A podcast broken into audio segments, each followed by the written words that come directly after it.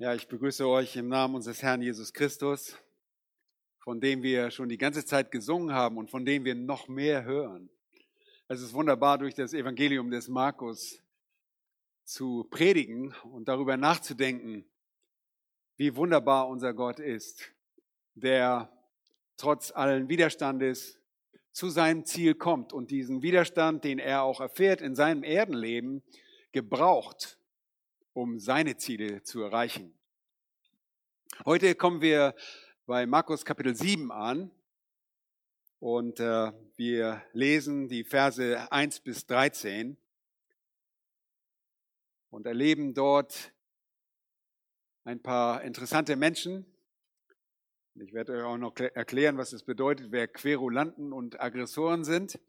Aber lasst mich erst den Text aus Markus 7, 1 bis 13 vorlesen. Da heißt es, und da versammelten sich bei ihm die Pharisäer und etliche Schriftgelehrte, die von Jerusalem gekommen waren. Als sie einige seiner Jünger mit unreinen, das heißt mit ungewaschenen Händen Brot essen sahen, tadelten sie es. Denn die Pharisäer und alle Juden essen nicht, wenn sie nicht zuvor gründlich die Hände gewaschen haben, weil sie die Überlieferung der Alten halten.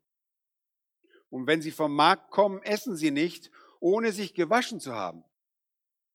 Und noch vieles andere haben sie zu halten angenommen, nämlich Waschung von Bechern und Krügen und ehernem Geschirr und Polstern.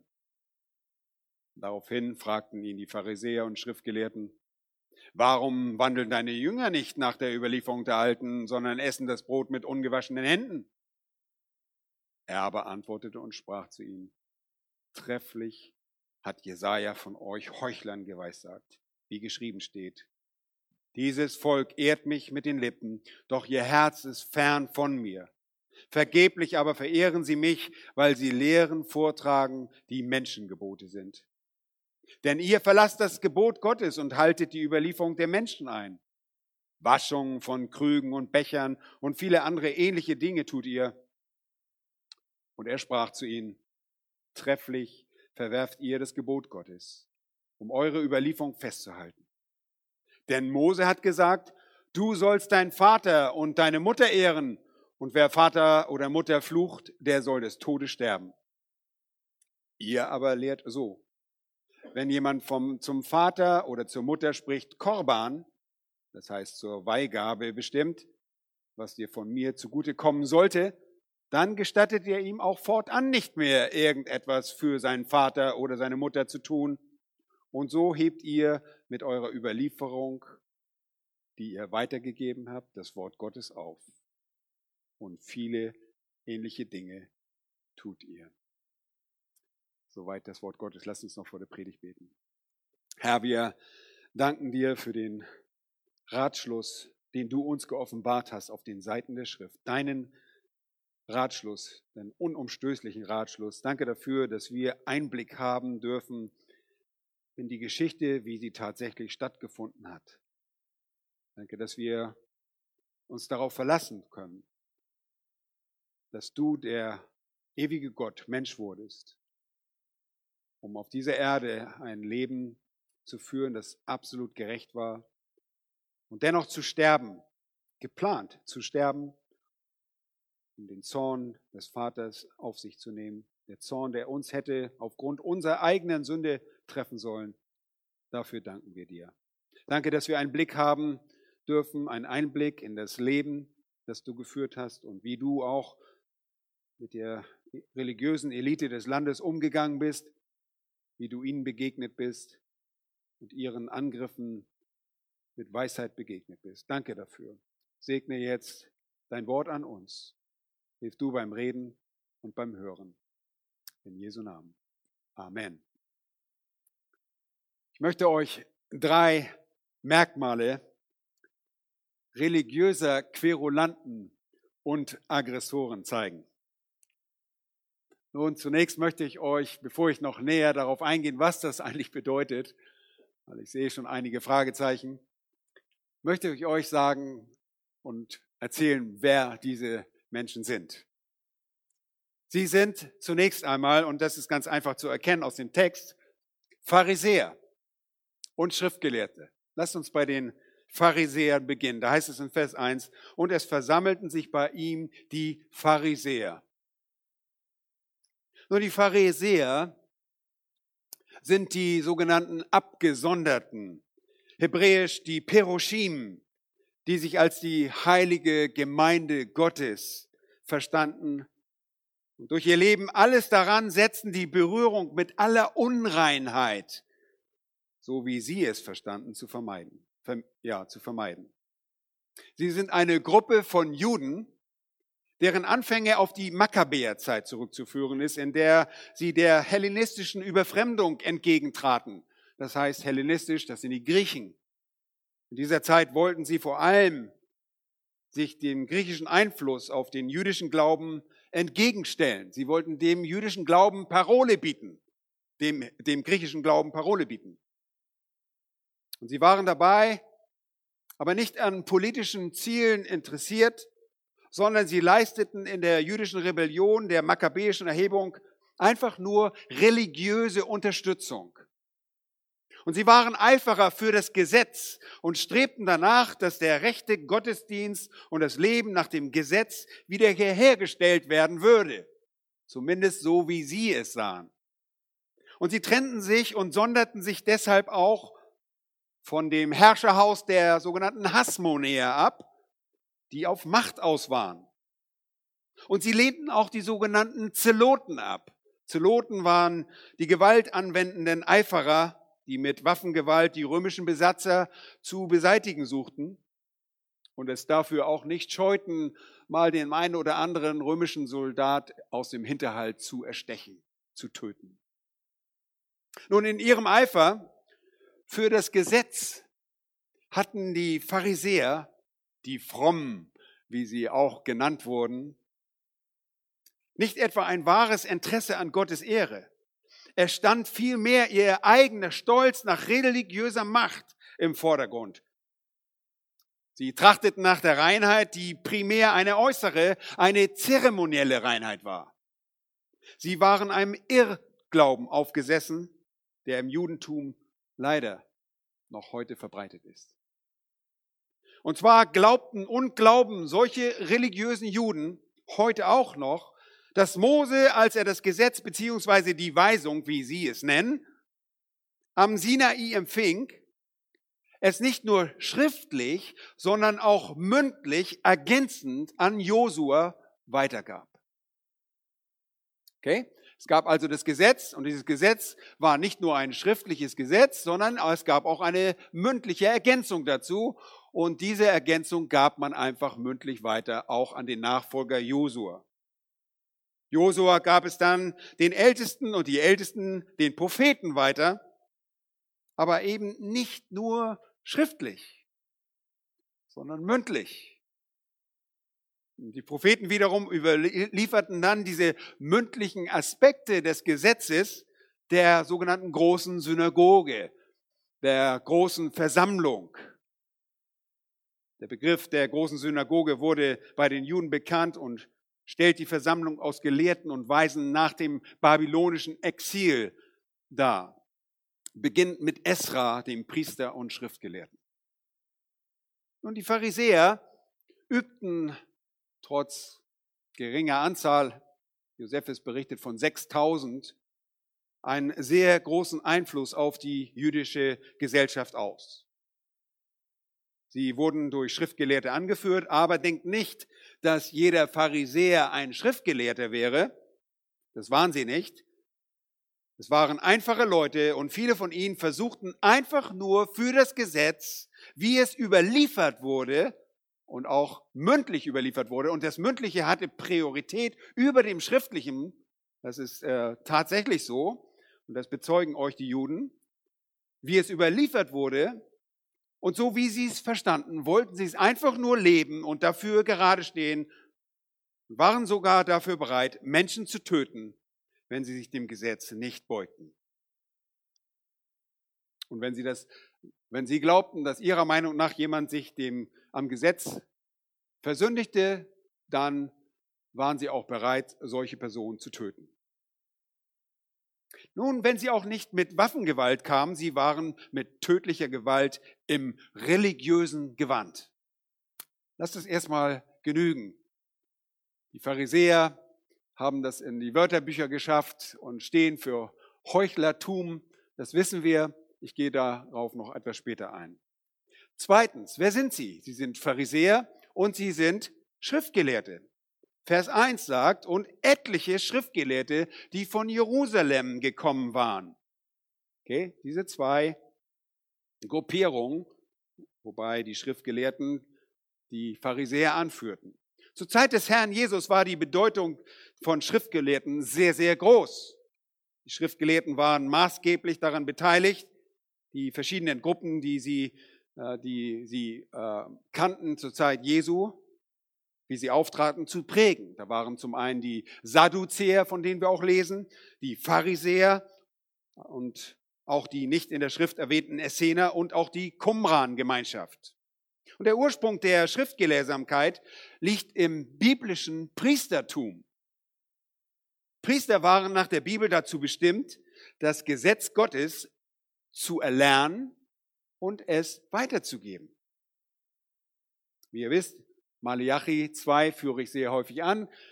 Vers 7 lesen wir, die Lippen des Priesters sollen die Erkenntnis bewahren und aus seinem Mund soll man das Gesetz erfragen, denn er ist ein Bote Yahweh Zebaoth. Malachi 2, Vers 7. Esra war in der nachexilischen, also nach der Gefangenschaft, in der Geschichte des Volkes Israel ein Beispiel dafür. Er war Priester und er war Schreiber. Und in Esra 7 bezeichnet ihn der König Artasasta als Priester und Schriftgelehrter im Gesetz des Gottes des Himmels. Esra 7, Vers 21. Das ist eine sehr treffende, eine sehr akkurate Bezeichnung. Priester wurde Esra aufgrund seiner Abstammung.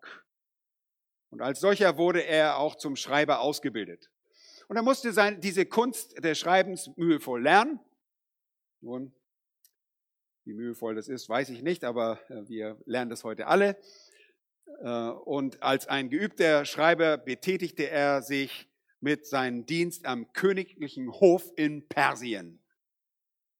Ihr kennt vielleicht die Geschichte des Volkes. Arthasasta, der König von Persium, hatte Esra nach der babylonischen Gefangenschaft erlaubt, die Juden in ihrem Heimatland Israel in Judäa im Gesetz zu unterweisen. Und wir sehen diese Unterweisung zum Beispiel in Nehemiah Kapitel 8. Leider kommt es nach dem Exil, nach dieser babylonischen Gefangenschaft, unter den Priestern zu einer Entfremdung von Gott. Nicht nur das Volk, sondern auch die Priester wenden sich von ihrer Hingabe zu Jahwe Gott ab. Das priesterliche Amt wird vernachlässigt und es treten mehr und mehr Schriftgelehrte mit Gottes fremden Auffassung in den Vordergrund. Esra soll gemäß der späteren Tradition, und das sind jetzt keine biblischen Aussagen, sondern Aussagen aus der Überlieferung, die sogenannte große Synagoge, die ich anfangs schon erwähnt habe, die große Versammlung gegründet haben. Und auf ihn führten die Gelehrten zur Zeit Jesu und auch heute noch die ununterbrochene Reihe von Schriftgelehrten zurück. Und die, diese jüdischen Lehrer entfernten sich, wie ich schon gesagt habe, von Gott. Und wir lesen von ihrem Zustand im Buch Malachi, vor allem Kapitel 1 und auch gleich zu Beginn von Kapitel 2 in Malachi 2. Aber statt sich an das Gesetz Gottes zu halten, passten sich diese Schriftgelehrten den Geflogenheiten der Welt an, besonders die der, äh, denen der Griechen. In ihren Schulgesprächen beriefen sie sich beim Lehren auf die Autorität ihrer Lehrer, die sie selbst hatten. Die Lehrer der Vergangenheit. Und die Griechen führten nämlich ihre Lehrer namentlich in einer Art Kettenauflistung in, in, jeweils an. Sie beriefen sich in ihren Philosophenschulen immer auf diese Lehrer. Und so taten das jetzt auch die jüdischen Schriftgelehrten. Und es gibt gilt, gibt für sie eine Liste ehrwürdiger Namen, die sie an Esra und die Lehrer der großen Synagoge dann auch angereiht haben. Und das sind die Alten, von denen hier im Text gesprochen wird, die die Tradition überliefert haben, von Generation zu Generation nach Esra. Vorher, ihr Lieben, war es nicht so. Vorher hielt man sich ausschließlich an das Wort Gottes. Sicherlich gab es immer wieder Abweichungen. Nun, die Geschriftgelehrten hatten also die Führung der, wie ich sagte, der pharisäischen Gemeinschaften inne. Und da das religiöse Zentrum der Juden durch Jahwe selbst bestimmt war, nämlich Jerusalem, wo sich jetzt auch ihr Tempel befand, war der Sitz der Schriftgelehrsamkeit auch an diesem Ort, nämlich in Jerusalem. Wir lesen in unserem Text, woher kommen diese Schriftgelehrten? Sie kommen aus Jerusalem. Diese Schriftgelehrten das haben wir schon zuvor gesehen, kommen von dort nach Galiläa. Und sie wurden vielleicht von den lokal ansässigen Pharisäern herbeigerufen oder ihr Interesse von der Überführung Jesu wurde möglicherweise jetzt erneut durch den Besuch Jesu beim Passa im Jahre 29. Wir befinden uns jetzt im Jahre 29. Das Passa hat gerade stattgefunden. Jesus ist wieder zurück in Galiläa und wahrscheinlich durch sein Auftreten dort wurde das Interesse ihn anzuklagen, wieder neu entfacht. Und sie kommen und sie wandern ihm hinterher und kommen nach Galiläa aus Jerusalem. Diese Schriftgelehrten sahen sich einerseits als Nachfolger der Priester, weil sie das Gesetz kannten und lehrten, wie es von einem Priester im AT erwartet wurde, und andererseits sahen sie sich auch als Propheten und Sprecher Gottes. Und als solche treten sie hier jetzt auf. In Kapitel 7. Sie waren nicht mehr wie die Priester aus dem Stamme der Leviten, sondern es waren Männer, die eine Ausbildung unter einem jüdischen Rabbiner, Gelehrten abgeschlossen hatten und von diesen zum Weisen und Lehrer ordiniert wurden, zum Dienst eingesetzt wurden. Esra war und ist ihr großes Vorbild, offensichtlich nicht sehr präzise als Vorbild genommen worden, denn Sie tun Dinge, die Esra nicht tat. Sie halten sich an menschliche Worte. Während Esra ein Nachkomme von Aaron ist, dem Leviten, waren sie es nicht mehr. Ihr Lieben, der Text der Heiligen Schrift und auch hier zeigt uns die Realität ihres Wesens. Sie sind Pharisäer, sie sind Schriftgelehrten, aber wir wollen mehr wissen, wer sie sind. Sie haben ein Ziel, und das ist die Zerstörung der Werke Gottes. Und wer sie sind, das werden wir jetzt auch an dem zweiten Punkt feststellen, an dem, was sie tun. Euer zweiter Punkt. Was sie tun. Ich glaube, bei euch ist es ein A. Sie suchen Anklagen gegen Jesus. Sie suchen Anklagen gegen Jesus. Und das, was sie verfolgen, die Anklage gegen Jesus, offenbart ihr wahres Wesen. Und jetzt passt genau auf, wenn ihr wissen wollt, wer, wer Querulanten sind und was ein Querulant ist. Weil sie Anklagen gegen Jesus suchen, bezeichne ich sie als religiöse Querulanten. Und als Querulant wurde ursprünglich ein Mensch bezeichnet, der im Bereich der Rechtsprechung trotz geringer Erfolgsaussicht unbeehrbar und zäh an einem Rechtskampf seinen Anklagen festhielt und diesen Kampf beharrlich führte. Geringe Aussichten und gegen Jesus gar keine Aussichten, aber sie halten daran fest, ihn anzuklagen. Und genau das trifft hier auf diese Menschen zu auf diese Angreifer in unserem Text. Sie sind religiöse Menschen, die objektiv gesehen aus der Perspektive der Wahrheit, den Worten der Heiligen Schrift, keinerlei Erfolgsaufsicht auf eine gültige Anklage haben. Warum ist das so? Weil sie gegen den unfehlbaren Sohn Gottes antreten, der der Gesetzgeber selbst ist. Keine Chance. Nun, sie wollten den Herrn Jesus nicht in ihrer Gegenwart haben, sie wollten ihn nicht dulden, und das obwohl sie wussten, dass Jesus ein von Gott gesandter Lehrer war. Erinnern wir uns, was Nikodemus sagte?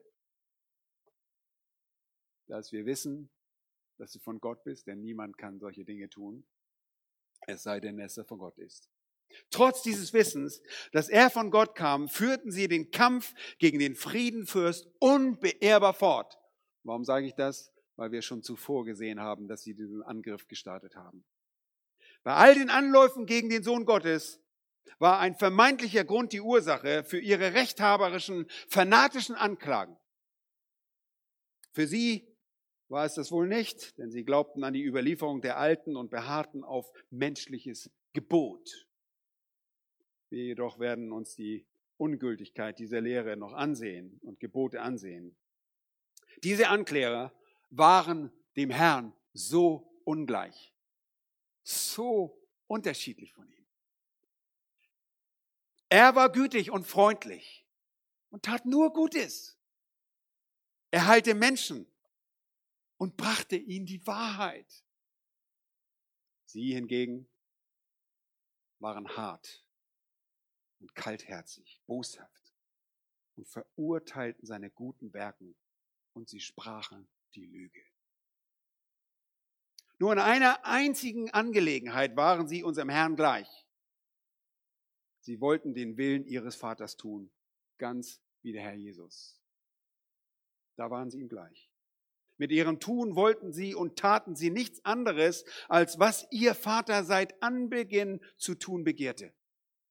Genauso wie Jesus, der den Willen des Vaters tat, so auch die religiöse Elite der Juden. Sie suchten den Willen ihres Vaters. Der Unterschied liegt in den unterschiedlichen Vatern, Vätern. Erinnert euch, letzte Woche war das, ich glaube, Dani hat es angeführt, in Johannes 8, Vers 44. Ihr habt den Teufel zum Vater, sagt Jesus. Und was euer Vater begehrt, wollt ihr tun. Mensch, der war ein Menschenmörder von Anfang an und steht nicht in der Wahrheit, denn Wahrheit ist nicht in ihm. Wenn er die Lüge redet, so redet er aus seinem eigenen, denn er ist ein Lügner und der Vater derselben. Ganz genau. Letzte Woche hat Daniel von Daniel gehört, was die Konsequenzen dieser hässlichen Sünde sind. Aber gleichzeitig habt ihr auch den ultimativen Hoffnungsschimmer erkannt, dass der Same der Frau kommen würde um der Schlange, den Satan, den Kopf zu vertreten. Das Proto-Evangelium. Jetzt sehen wir den Same der Frau, wie er kommt auf dem Weg, der Schlange den Kopf zu zertreten. Seht ihr, die Pharisäer und Schriftgelehrten wollten letztlich nur den Tod des Herrn. Und in Markus 3, Vers 2, was wir uns schon angesehen haben, heißt es, sie lauerten ihm auf ob er ihn am Sabbat, das heißt einen Mann am Sabbat heilen würde, damit sie ihn verklagen könnten. Das waren ihre Absichten. Sie sind aggressive Querulanten, von denen es dann in Vers 3, Kapitel 3, Vers 6 heißt, da gingen die Pharisäer hinaus und hielten sogleich mit den Herodianern Rat, wie sie ihn umbringen könnten. Das ist ihr wahres Wesen. Und ihr Vorgehen ist nicht verwunderlich, denn der Satan selbst verkleidet sich als ein Engel des Lichts, sagt uns Paulus im zweiten Korintherbrief, Kapitel 11, Verse 14 und 15. Es ist nichts Besonderes, wenn auch seine Diener sich verkleiden als Diener der Gerechtigkeit, aber ihr Ende wird ihren Werken entsprechen. Seht ihr, wie der Vater, so die Kinder. Nichts anderes. In einem religiösen Gewand. Nun, der erste Punkt. Ihr Angriffsgeist lässt nicht nach. Vers 1. Etliche Schriftgelehrte, die von Jerusalem gekommen waren, sie versammelten sich, auch die Pharisäer, sie versammelten sich. Das ist ein erneutes Versammeln. Wir haben schon von ihrem Widerstand gelesen. In Kapitel 3 lesen wir Vers 22, die Schriftgelehrten, die von Jerusalem herabgekommen waren, sprachen, er hat den Beelzebul. Erinnert ihr euch noch daran? Und durch den Obersten der Dämonen treibt er die Dämonen aus. Jetzt sind sie, die Sünde wieder den Heiligen Geist begangen hatten, wieder da. Sie bleiben beharrlich im vereinten Kampf gegen ihren Feind. Und sie waren bitter, denn sie konnten Jesus nicht überführen. Und ich weiß, wie sehr es schmerzt, wenn man nicht einmal Menschen für ihre Angelegenheit ermahnen kann, weil es nur beständige Verteidigung gibt. Wie viel mehr waren diese religiösen Menschen aufgebracht, über die vergangenen Fehlversuche Jesus zu überführen? Jedes Mal gehst du enttäuscht weg und ärgerlich weg, weil du nichts ausrichten konntest. Und über die Schriftgelehrten und Pharisäer haben wir schon einiges im Markus-Evangelium gelesen. Das Volk erstaunte über Jesu Lehre, denn er lehrte wie einer, der Vollmacht hat, nicht wie die Schriftgelehrten. Jemand, der den Geist Gottes ist, der hat nicht die Vollmacht. Und sie dachten Böses in ihrem Herzen. Wir erinnern uns an Kapitel 2. Jesus kommt in die Synagoge oder kommt, beziehungsweise kommt in das Haus und äh, da war dieser, dieser lahme Mann auf der Matte. Und da heißt es in Vers 6 und 7, es saßen dort etliche Schriftgelehrten, die dachten in ihrem Herzen, als Jesus sagt, deine Sünden sind dir vergeben. Was für eine Lästerung! Wer kann Sünden vergeben als nur Gott allein? Und er sieht es. Und sie beachten Jesus und die Jünger auf Schritt und Tritt. Und dann heißt es da in 2 Vers 16, und als die Schriftgelehrten und die Pharisäer sahen, dass er mit Zöllnern saß, da sprachen sie zu seinen Jüngern, warum isst und trinkt er mit den Zöllnern und Sündern? Sie regen sich ständig auf. Ihre Bosheit wird deutlich in dem Mordkomplott, den ich gerade erwähnt habe, in Kapitel 3, Vers 6. Sie haben nur eine Absicht. Den Fürst des Lebens, den Friedenfürst zu töten. Und diese Feinde des Herrn bleiben im Fokus des Evangeliums. Und Jesus offenbart seinen Jüngern im nächsten Kapitel, in Kapitel 8, jetzt sind wir in Kapitel 7, was mit ihm durch diese feindseligen Menschen noch geschehen soll.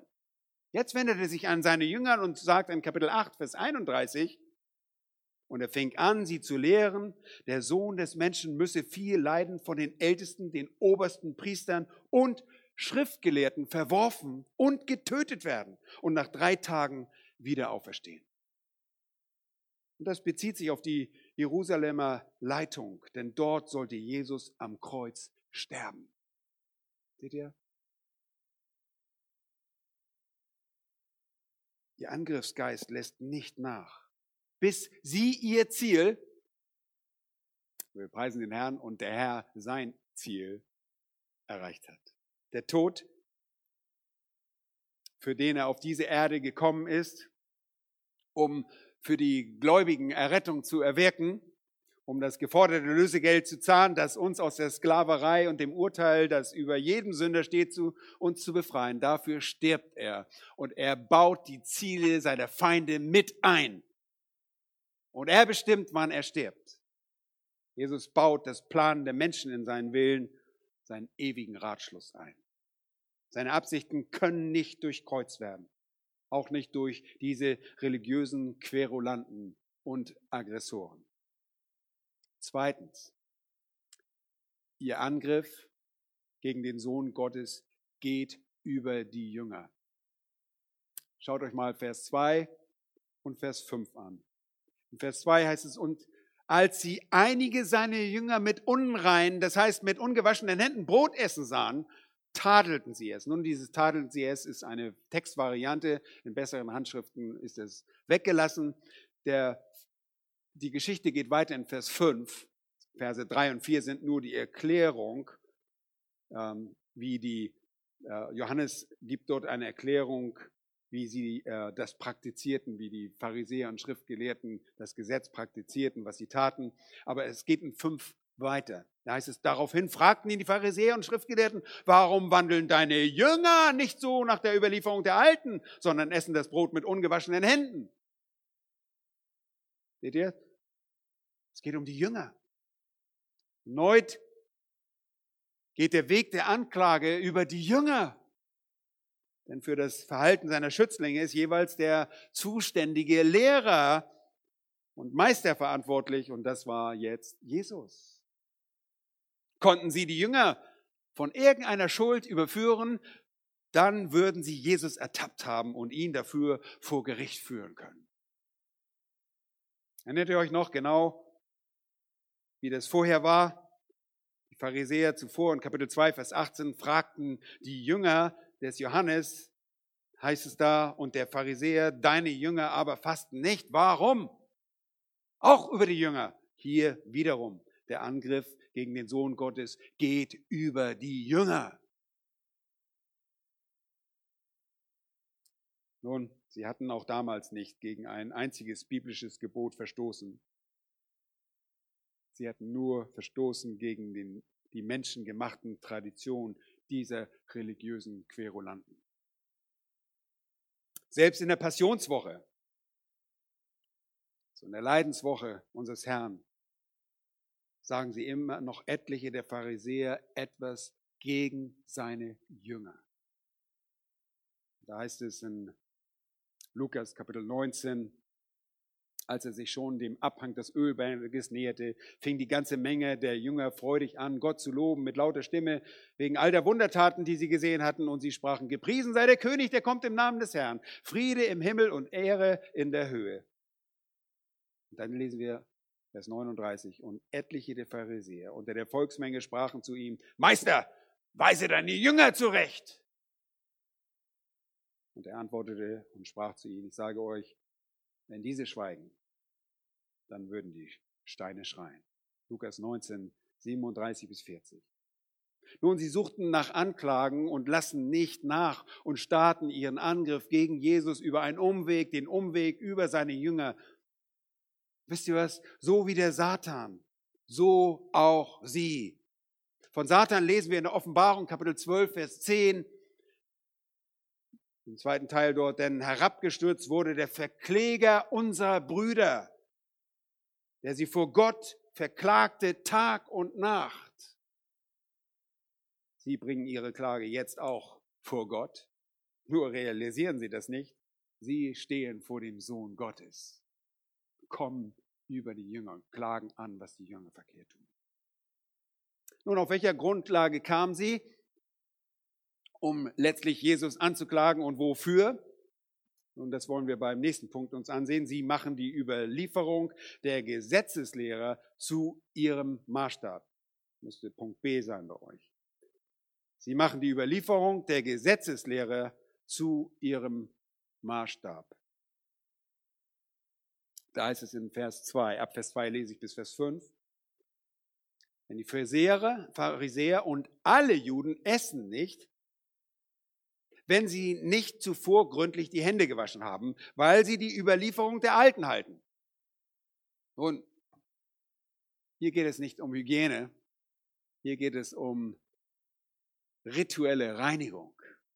Hier geht es nicht darum, dass es wäre ganz angemessen, heute sollen wir uns die Hände waschen, damit das Coronavirus irgendwo sich nicht ausbreiten kann.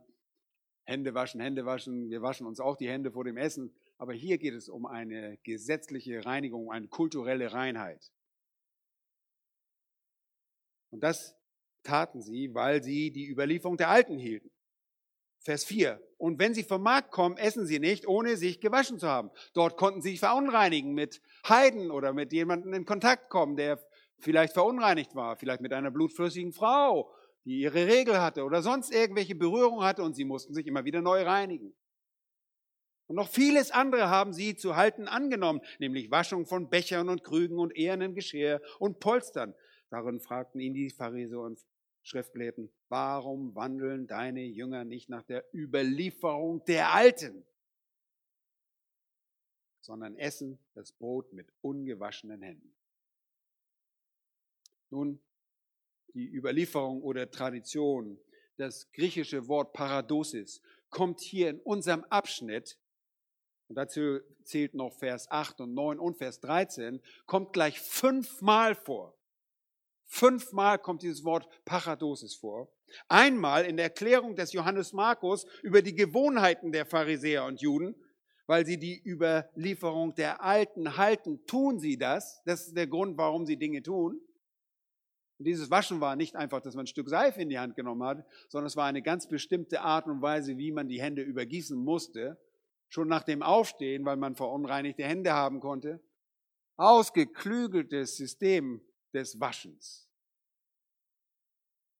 Einmal kommt es in der Frage der Pharisäer und Schriftgelehrten vor, nämlich als sie fragen, warum wandeln deine Jünger nicht nach der Überlieferung der Alten? Und dann dreimal erwähnt Jesus die Überlieferung und deckt dabei auf, was diese Überlieferung wirklich ist. Schaut mal, Vers 8. Da heißt es die Überlieferung der Menschen. Es ist eine menschliche Überlieferung, es ist nicht eine göttliche Überlieferung. Es ist nicht Gottes Ursprung, es ist Menschenursprung. Und dann steigert es sich, in Vers 9 wird es erwähnt, es ist eure Überlieferung. Da ist ein Possessiv, ein besitzanzeigendes Fürwort. Es ist eure Überlieferung. Ihr habt das so gemacht. Ihr seid auch Menschen, ihr habt das. Und dann sagt er in Vers 13, mit eurer Überlieferung, die ihr weitergegeben habt.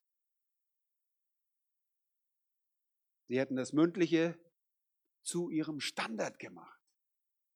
Das, was nicht im Wort Gottes steht, gaben sie weiter und behaupteten, es stünde sogar über dem Geschriebenen.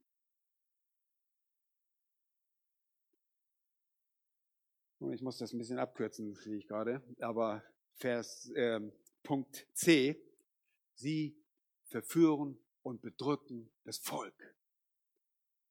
Vers 3.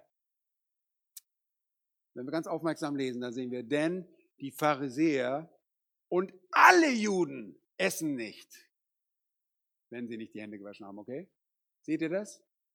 Diese Leiter hatten bereits das Volk dazu gebracht, ihnen zu folgen. Und sie legten ihnen schwere Bürden auf. Denn das ganze Gehabe mit den Waschungen und Reinigungen ist nicht nur unnötig, sondern dazu auch mühsam und äußerlich beschwerlich im Alltag eines Menschen. Und es gibt so viele Dinge dabei, die man aufgrund der Überlieferung der Alten einhalten muss, dass es eine Last für das Volk war. Für die Juden auch noch heute eine große Last ist. Und dabei geht es nicht um, wie ich sagte, um Hygiene, sondern um kultische Waschung, auch die Polster, worauf man gesessen hat und wer was berührt hat. Und es ist ein riesiger Katalog von Überlieferungen vorhanden. Und es ist den Juden so wichtig, dass man sich wäscht.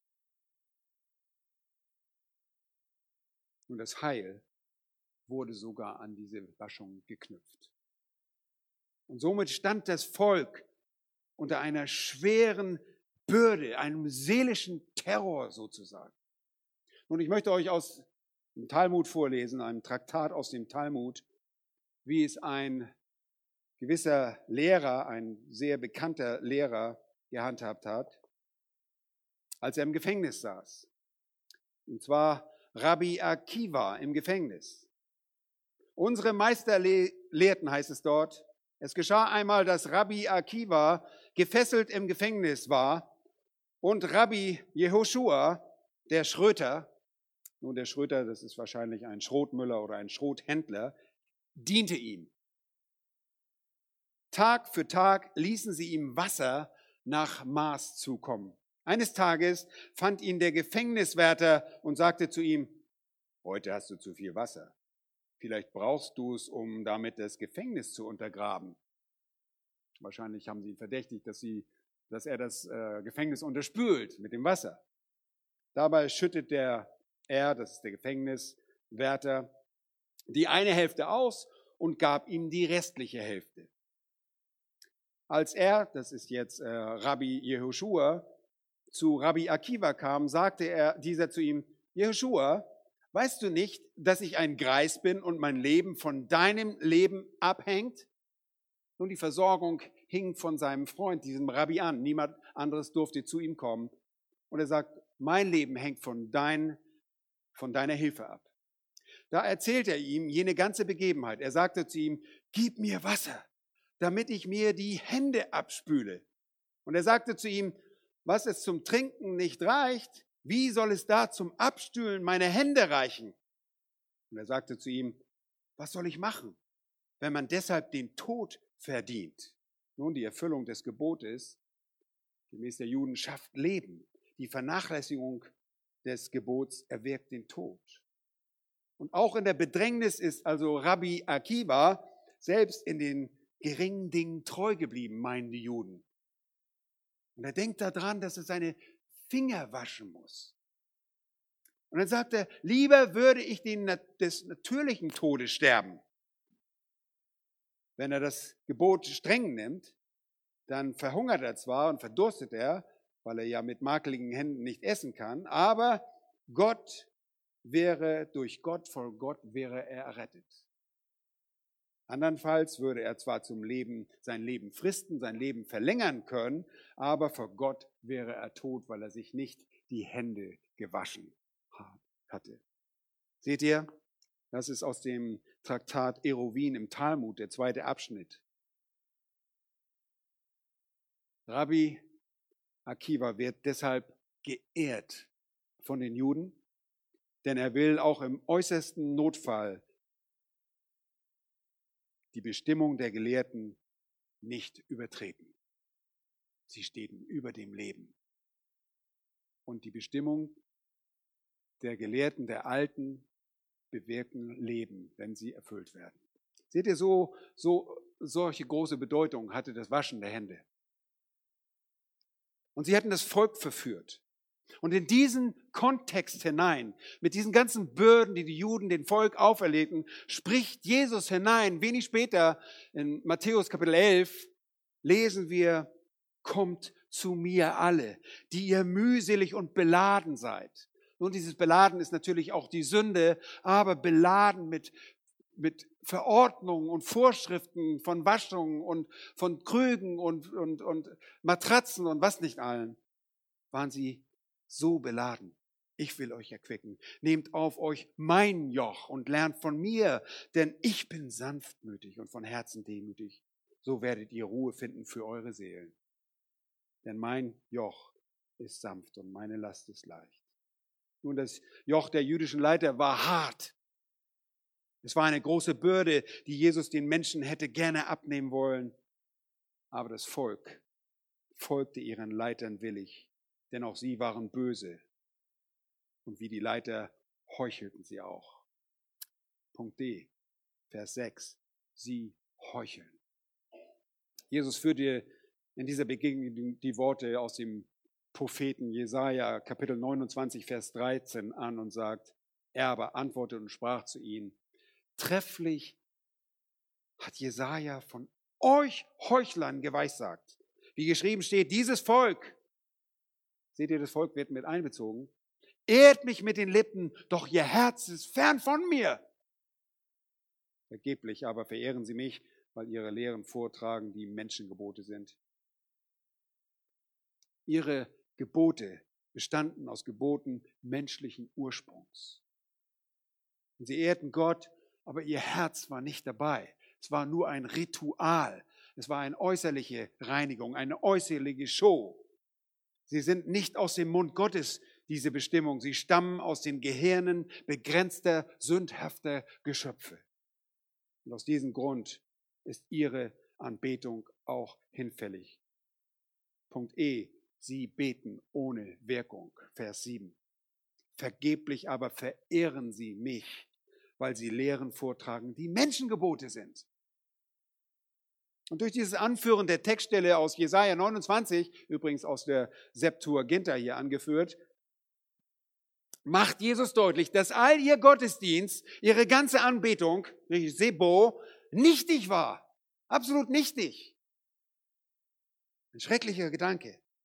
Denn eines Tages werden diese Leiter und Menschen, die auf diese Art und Weise anbeten, die durch ein externes Ritual geht, anstatt innerlich Gott ergeben sind, ein erschütterndes Urteil ihrer Gesetzlosigkeit hören. Und das ist Verdammnis.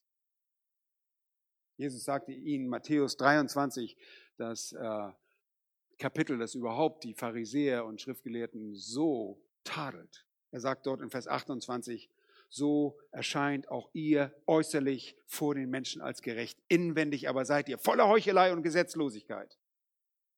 Das muss hart sein, oder? Die treuen Gesetzeshalter bezeichnet er als Gesetzlosigkeit. Ihr seid voller Gesetzlosigkeit.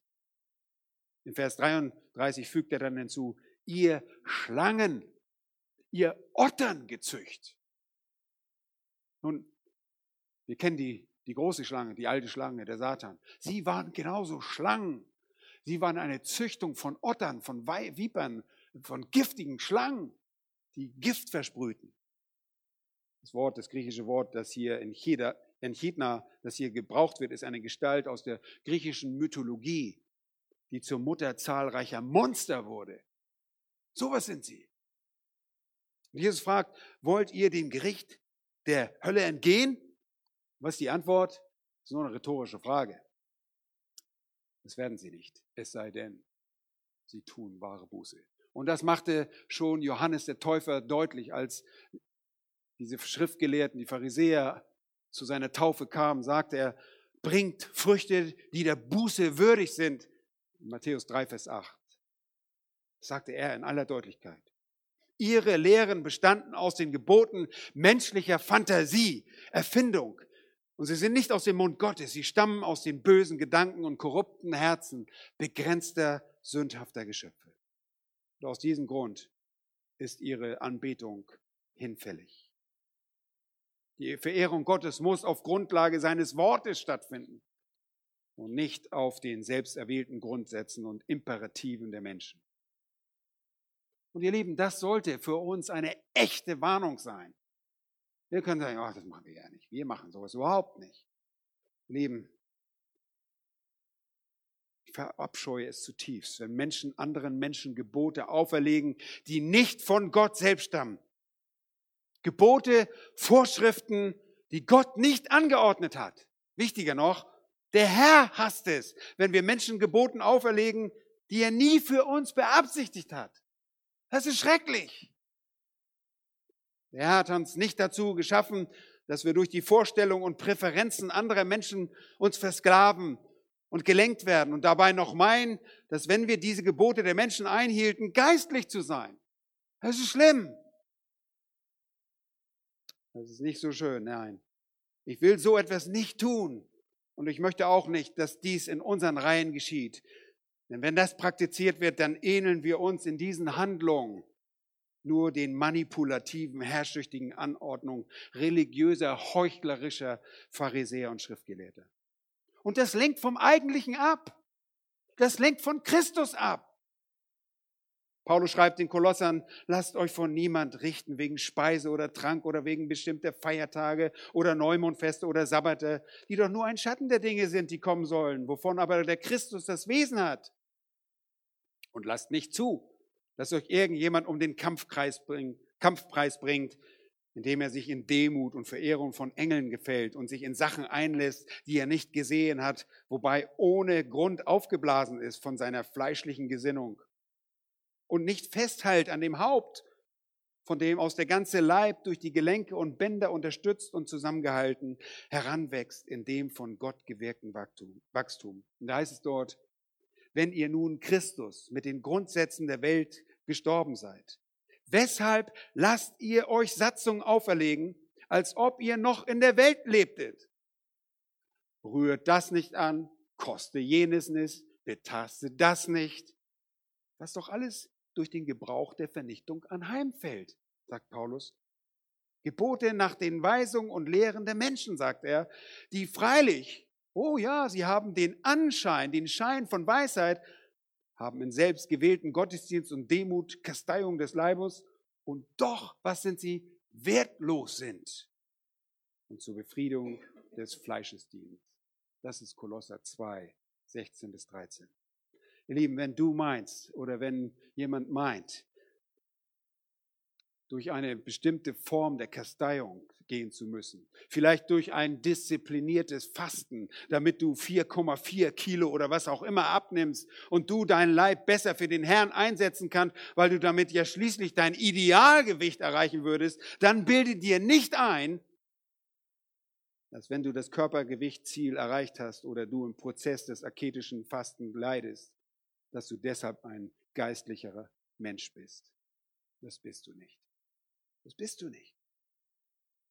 Bilde dir auch nicht ein, dass weil du die Veranstaltung am Mittwochabend besucht, während andere das nicht tun, dass du deshalb heiliger bist. Das bist du nicht. Bilde dir das niemals ein.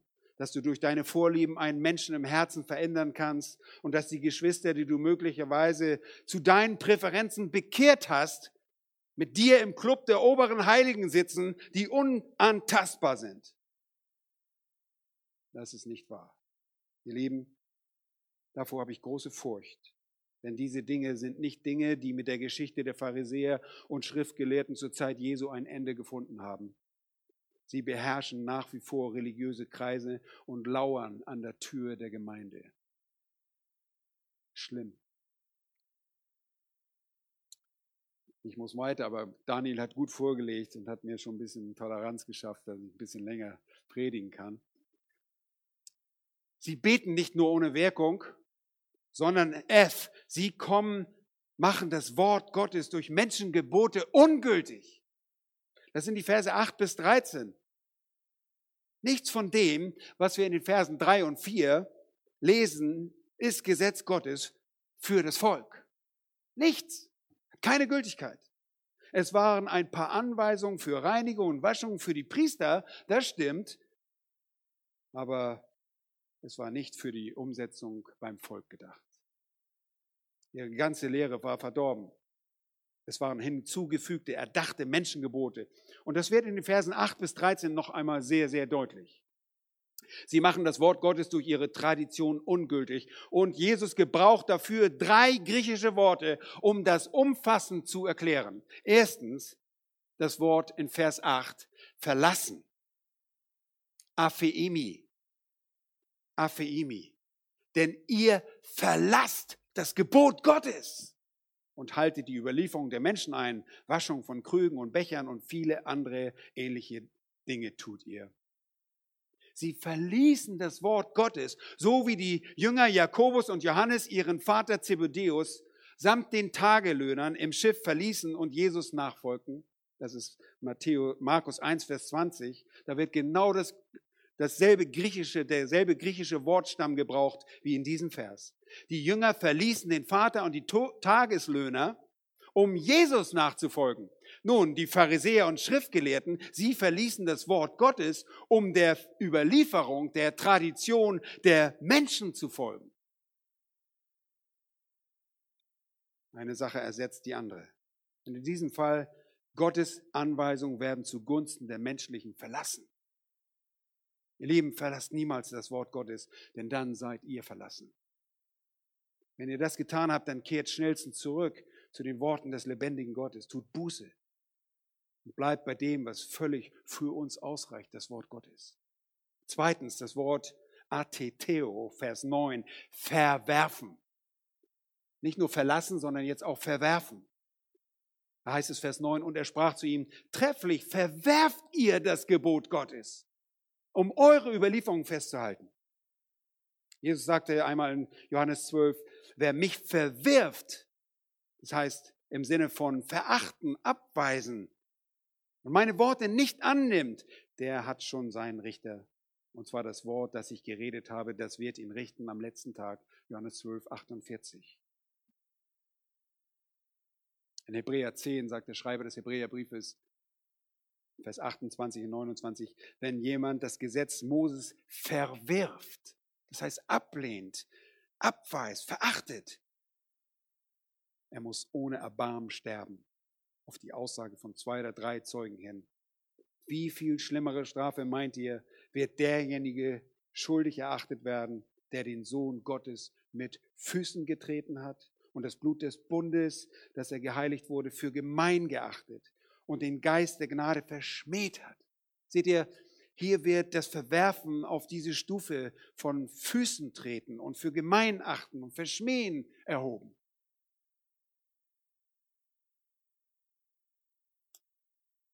Sie verwarfen es, um menschliche Gebote zu erheben. Drittens ist das Wort akuro, aufheben in Vers 13. In Galater 3 sagt Paulus einmal, die Verheißung wird nicht aufgehoben. Das ist die Verheißung an Abraham im Sinne von ungültig gemacht durch das Gesetz, das am Sinai geschlossen wurde. Es wird nicht aufgehoben. Und Vers 13 heißt es hier, und so hebt ihr, ihr hebt mit eurer Überlieferung, die ihr weitergegeben habt, das Wort Gottes auf. Und das ist da ein angeführtes Beispiel, wie sie das Wort Gottes verwerfen. Schaut einmal Vers 10. Ganz deutlich. Das Wort Gottes sagt, denn Mose hat gesagt, du sollst deinen Vater und deine Mutter ehren und wer Vater und Mutter flucht, der soll des Todes sterben. Mose war Mittler und Überbringer des göttlichen Gesetzes. Wir können ja, Sie können auch sagen, seht ihr, da sind doch menschliche Gebote. Nein, er war der Mittler und Überbringer des göttlichen Gesetzes. Und diese Worte kommen in 2. Mose 20, Vers 12 und 2. Mose 21, Vers 17 vor. Hier ist die Anweisung des Wortes Gottes. Es ist ein göttliches Gebot. Vers 11 lesen wir jetzt. Ihr aber, seht ihr den Kontrast? Ihr aber lehrt so, wenn jemand zum Vater oder Mutter spricht, Korban, das heißt zur Weihegabe bestimmt ist, was zur Weihegabe bestimmt ist, was dir von mir zugute kommen sollte, dann gestattet ihr ihm fortan nicht mehr irgendetwas für seinen Vater oder seine Mutter zu tun. Was bedeutet das? Nun, bei den Juden kam vielleicht einer auf die Idee, hat gesagt, oh, ich weihe dem Herrn jetzt meinen neuen Sattel für meinen Esel. Dann komme ich viel bequemer zum nächsten Ort kann bequem sitzen, meinen schönen ledernen Sitz werde ich dem Herrn weihen. Hm, das Geld soll eigentlich für meine Eltern bestimmt sein. Aber ich habe es dem Herrn geweiht. Meine Eltern haben zwar nicht zu essen, aber meine lieben Eltern, ich habe es dem Herrn geweiht, diesen wunderbaren Sattel. Und so erlauben sie dem Juden nicht mal mehr den Eltern irgendeine Art Ehre zu erweisen, weil sie sich verbürgt haben mit einem Weihegabe, tun sie nicht das, was sie tun sollen, was Gott gesagt hat. Ehre Vater und Mutter. Seht ihr? Wir tun das auf andere Art und Weise. Wir können auch alles Mögliche finden, warum wir uns irgendwas kaufen müssen und jemand anders vielleicht übersehen, wo jemand vielleicht was nötig hätte. Aber sie taten es, weil sie diese menschlichen Gebote aufgestellt haben. Gottes Wort wurde damit verlassen, Gottes Gebot wurde damit verworfen und es wurde aufgehoben. aufgehoben. Ihr lehrt so. Ihr hebt auf diese Art und Weise mit eurer Überlieferung das Wort Gottes auf. Und dann sagt er, und viele andere Dinge tut ihr. Das sagt er zweimal in diesem ganzen Abschnitt. Ich möchte euch zeigen, warum sie diese religiösen Querelanten und Aggressoren Jesus unterlegen sind. Die einfache Antwort ist, er ist der Sohn Gottes. Erstens, der Sohn Gottes kennt ihr Herz. Vers 6, er antwortete und sprach zu ihnen, trefflich hat Jesaja von euch Heuchlern geweicht, sagt, wie geschrieben sich. Ich kann niemand zu euch sagen, du heuchelst gerade, weil du hier bist. Ich kann nicht in euer Herz sehen. Das kann Jesus. Woher weiß er das? Er ist Gott. Er kann das sehen. Er konnte das vorher, er konnte es in Kapitel 2 sehen und er kann das auch jetzt. Unser Gott ist vertraut mit dem, was im Herzen ist und was sich da abspielt. In 2.8 heißt es, Jesus erkannte in seinem Geist, dass sie bei sich so dachten. Nach außen mögen sie wie Gerechte aussehen, aber er kannte ihre Herzen. Und in Apostelgeschichte 1 ist ein sehr schönes Wort, Vers 24, lesen wir, sie beteten und sprachen, Herr, du Kenner aller Herzen. Ist dir das bewusst? Unser Herr kennt unsere Herzen. Er weiß es ganz genau. Und deshalb hatten sie keine Chance. Keine Chance. Er ist der Sohn Gottes. Er kennt die Herzen. Zweitens, der Sohn Gottes kennt alle ihre Werke. Vers 8 und Vers 13 sehen wir immer jeweils diesen Zufügung am Ende des Satzes. Da heißt es, und viele andere oder andere ähnliche Dinge tut ihr. Vers 13. Und viele ähnliche Dinge tut ihr. Er wusste alles, was sie taten. Hat Jesus das ganze Judentum studiert und jede Variante? Ich denke nicht. Er wusste einfach, was diese Leute taten. Jesus sagte in Matthäus 23, Vers 3, nach ihren Werken tut nicht, sagte er zu den Jüngern, denn sie sagen wohl, tun es aber nicht. Sie binden nämlich schwere und kaum erträgliche Bürden und legen sie den Menschen auf die Schultern. Sie aber wollen nicht mit einem einzigen Finger das anrühren. All ihre Werke tun sie aber, um von den Leuten gesehen zu werden. Seht ihr, er kennt ihre Herzen, er kennt ihre Werke und drittens C, der Sohn Gottes kennt das Ergebnis der schärfsten Waffe. Und deshalb führt er das Wort Gottes an. Er führt es in Vers 6 an, er führt Jesaja an und er führt Mose an. Er benutzt das Wort Gottes und das Wort Gottes überführt.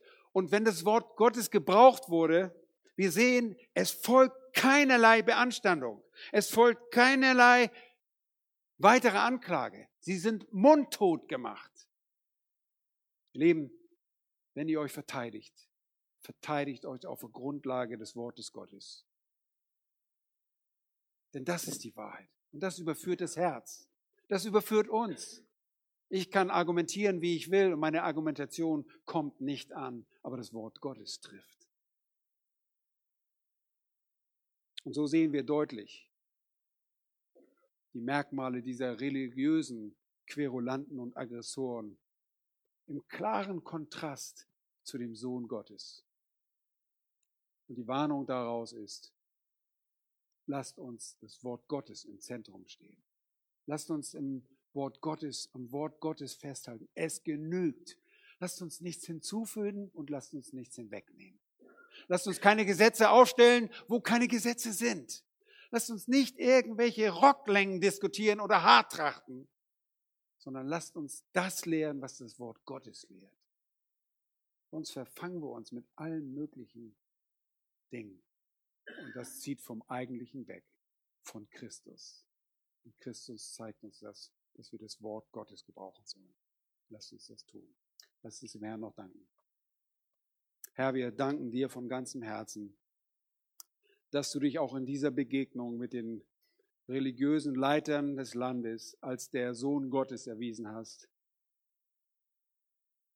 Danke, dass wir unseren Glauben nicht auf irgendwelche Fantasien von Menschen basieren müssen, dass wir unseren Glauben darauf aufbauen müssen, was Menschen diskutieren, ob das jetzt nun jüdische Tradition ist, die sich in der Mishnah oder im Talmud wiederfinden. O oh Herr, danke, dass du uns dein Wort die 66 Bücher deines inspirierten Wortes gegeben hast, die zuverlässig sind und die auch nicht verändert werden. Egal, was Menschen darum herummäkeln mögen, dein Wort ist die Wahrheit. Heilige uns durch dein Wort. Lass uns erkennen, wie wunderbar dieses Wort ist. Hilf du uns, diesen Worten Folge zu leisten, Kraft deines Geistes, dir zur Ehre und dir zum Lobe. In Jesu Namen. Amen. Amen.